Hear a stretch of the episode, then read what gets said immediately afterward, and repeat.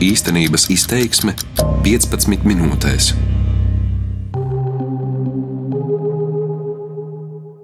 Pirms mēneša pie Latvijas pirmā prezidenta Jāņa Čakstas pieminiekļa Jelgavā tika nolikti ziedi viņa dzimšanas dienā, bet pēc mēneša ziedi tur atkal guls pašas Latvijas dzimšanas dienā. Kā lasāms valsts prezidenta internetlapā, Čakste nebija partijisks, korupciju un kliķes gara ieviešanos sabiedriskajā dzīvē viņš uzskatīja par vienu no sabiedrības lielākajām problēmām. Vai to par problēmu uzskata arī Jelgavas doma, kas pirms 15 gadiem uzcēla Čakstes pieminekli? Par to šīs īstenības izteiksmes 15 minūtēs stāstīšu es, Edgars Kupčs.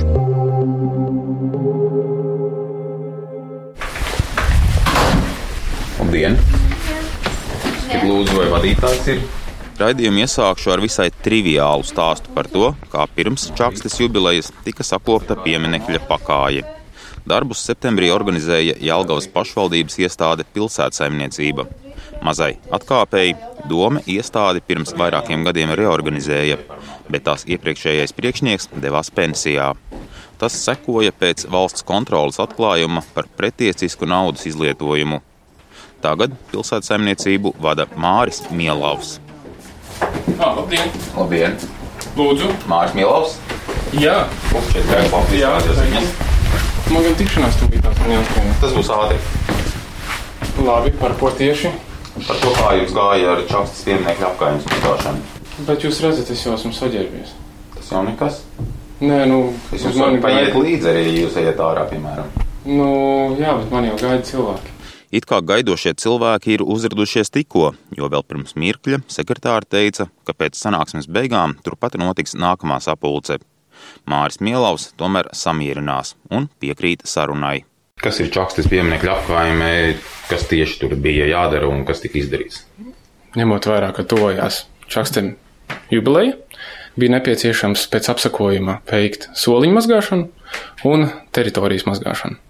Soliņi, nu, vienkārši vizuāli mēs konstatējam, ka ir tā tad gan no putniem, gan no citām lietām kļuvuši netīri, kā arī nepieciešams bija bruģim, kurš ā, ēnainajās vietās bija apsūnojis veikt tīrīšanu.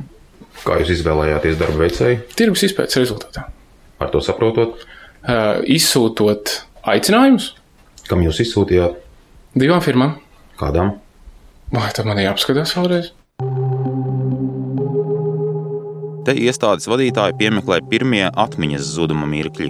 Vēl pirms pāris dienām par šiem jautājumiem viņš detalizēti runāja ar Jelgavas domas opozīciju. Tā sauktā cenu aptauja, salīdzinoši mazu tēriņu gadījumā, ļauj nepubliskot gan domas vēlmes, gan izvēlēto vēlmju piepildītāju. Jelgava to izmantoja. Mani interesē, kādēļ bruģa mazgāšanas piedāvājumu prasīja tikai divām firmām, un kāpēc izvēlējās uzrunāt un nolikt tādu, kuras pamatnodarbošanās ir mākslas lietas. Jūs zināt, taču ar ko šī firma nodarbojas, vai ne? Audiovizuālais servis, Kā nesaprotu jautājumu?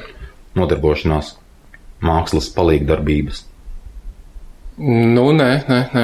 audiovizuālais servis. Jūs esat pēc būtības tādai mākslinieku firmai pajautājuši, par cik viņi būtu gatavi nomazgāt bruģi. Faktiski šajā gadījumā mēs skatāmies uz to, ka mūsu uzrunā firmas ar saviem piedāvātajiem pakalpojumiem. Nevis mēs kaut kādā veidā meklējam informāciju par viņiem. Šīs divas firmas bija jūs uzrunājušas. Ā, Mums bija iepriekš slēgts jau līgums par ar ozolnieku firmu, par, ja nemaldos, citu pakalpojumu. Un bija arī mūsu uzrunājusi firma audiovizuālais servis, kas arī veic dažādus pakalpojumus. Viņi ir jau ar jums sadarbojušies iepriekš. Tad man ir jāpārbauda, iespējams, iespējams. Labi, darbi ir paveikti. Darbi ir paveikti, jā. Un kāda bija Veicā, veic, veicā, tas man arī es galvā neatceros visus līguma ciparus tiešām. Pašvaldības iestādē ir atmiņas sokas labāk, kad ciparus pajautāju rakstiski. Čakstas pieminekļa apkārtnes tīrīšanai uzrunāja vienu profesionāļu firmu un jau minēto audio-vizuālais servis. Izvēlējās pēdējo, jo tā solīja bruģi notīrīt par pāris simtiem eiro lētāk, iekļaujoties nepilnos divos tūkstošos eiro. Ar divu uzņēmumu aptauju Jelgava apmierinājās arī vasarā, kad gādāja pagaidu žogu uzlicējus pasākumam. Atkal uzvarēja vietējā kompānija audiovizuālais servis ar nedaudz virs 5600 eiro piedāvājumu. Labdien! Sakiet, lūdzu, kā Jāni Kuķi varētu sastapt? Paldies! Esmu ieradies pašvaldības uzņēmumā Jelgavas autobusu parks. Kapitāla sabiedrības galvenais inženieris ir Jānis Kuķis. Viņa darbspējas var abrīnot, Viņš vada biedrības Mehu servis un Mehu absolventi, jaunatnes tehnisko sporta veidu centru un sporta tālāk izglītības atbalsta fondu. Ir arī sporta komisijas loceklis un apbalvojumu piešķiršanas komisijas loceklis Jelgavas domē.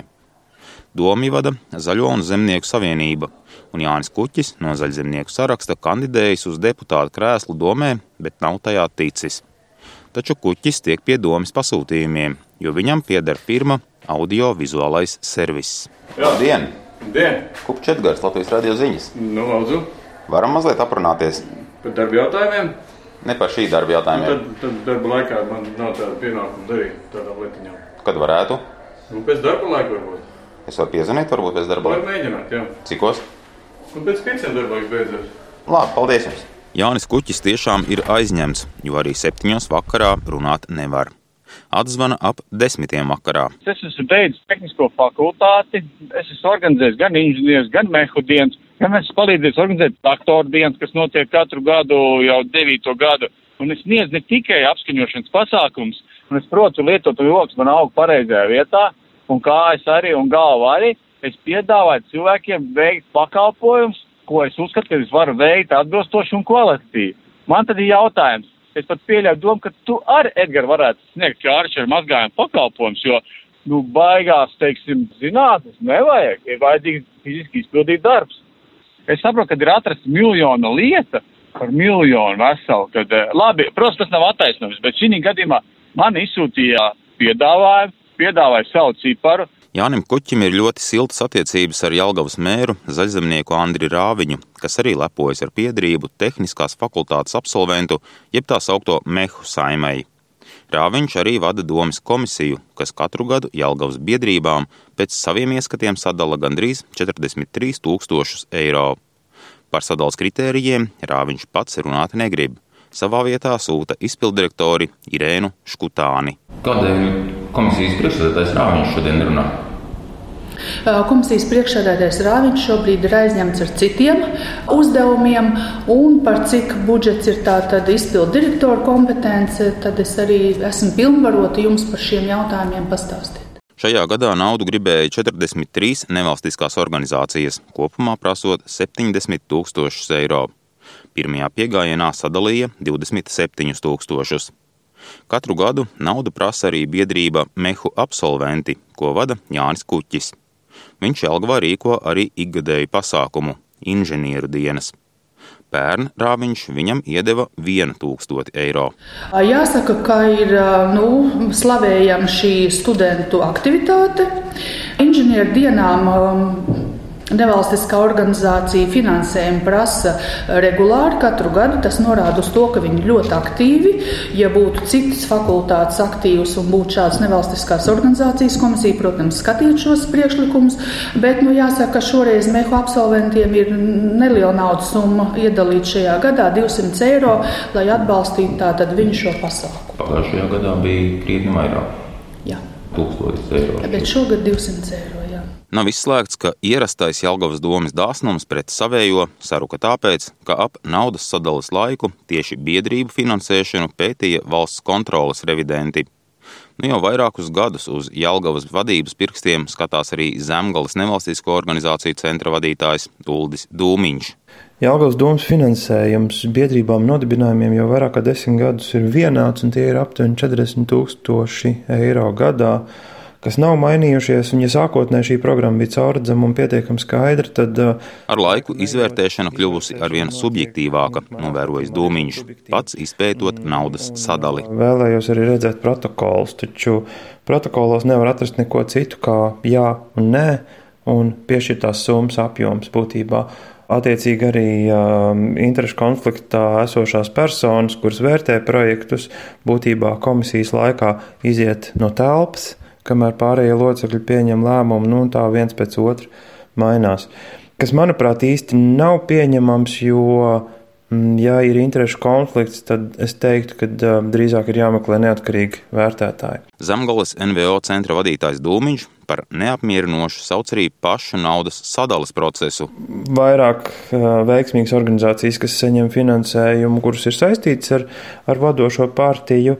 Un šis ir tas risks, ko es jau vairākas reizes organizācijām teicis, ka tā darīt nevar.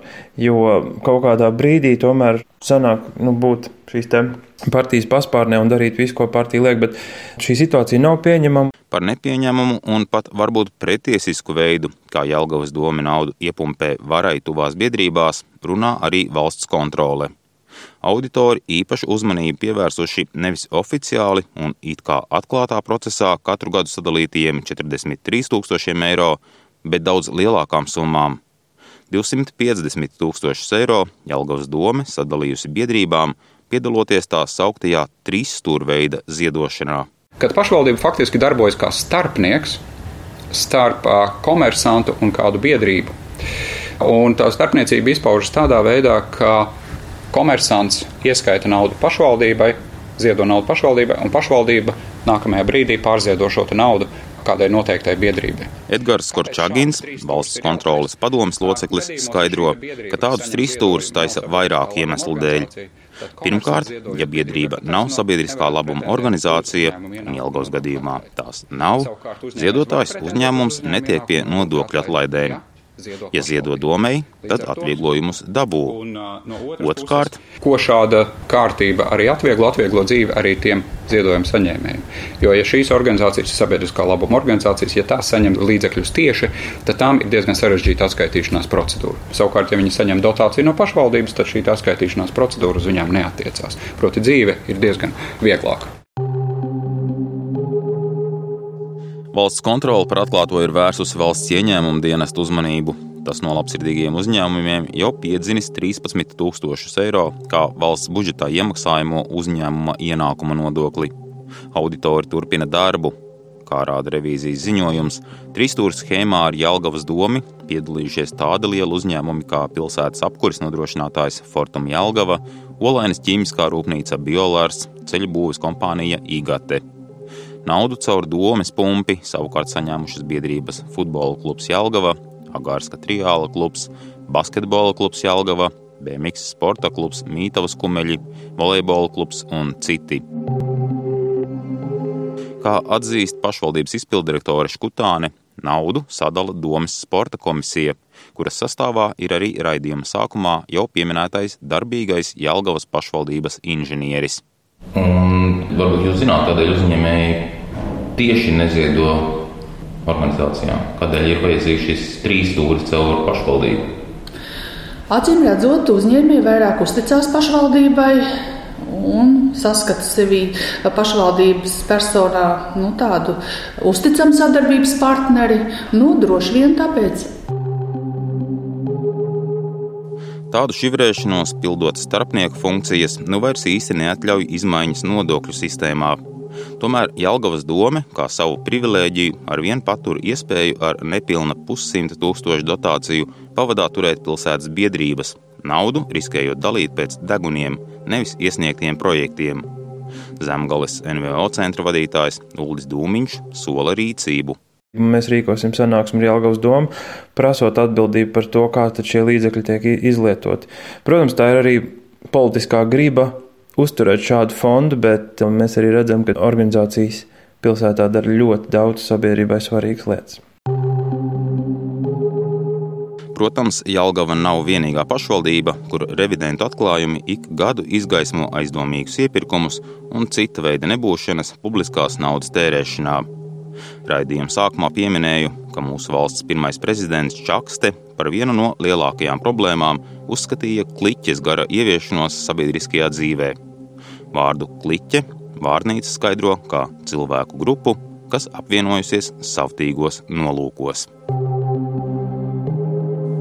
Šo raidījumu gatavoja Edgars Kupčs un skaņu operators Uldis Grīnbergs. Darbības vārds īstenības izteiksmē izsaka darbību kā realitāti tagadnē, pagātnē vai nākotnē, vai arī to noliedz.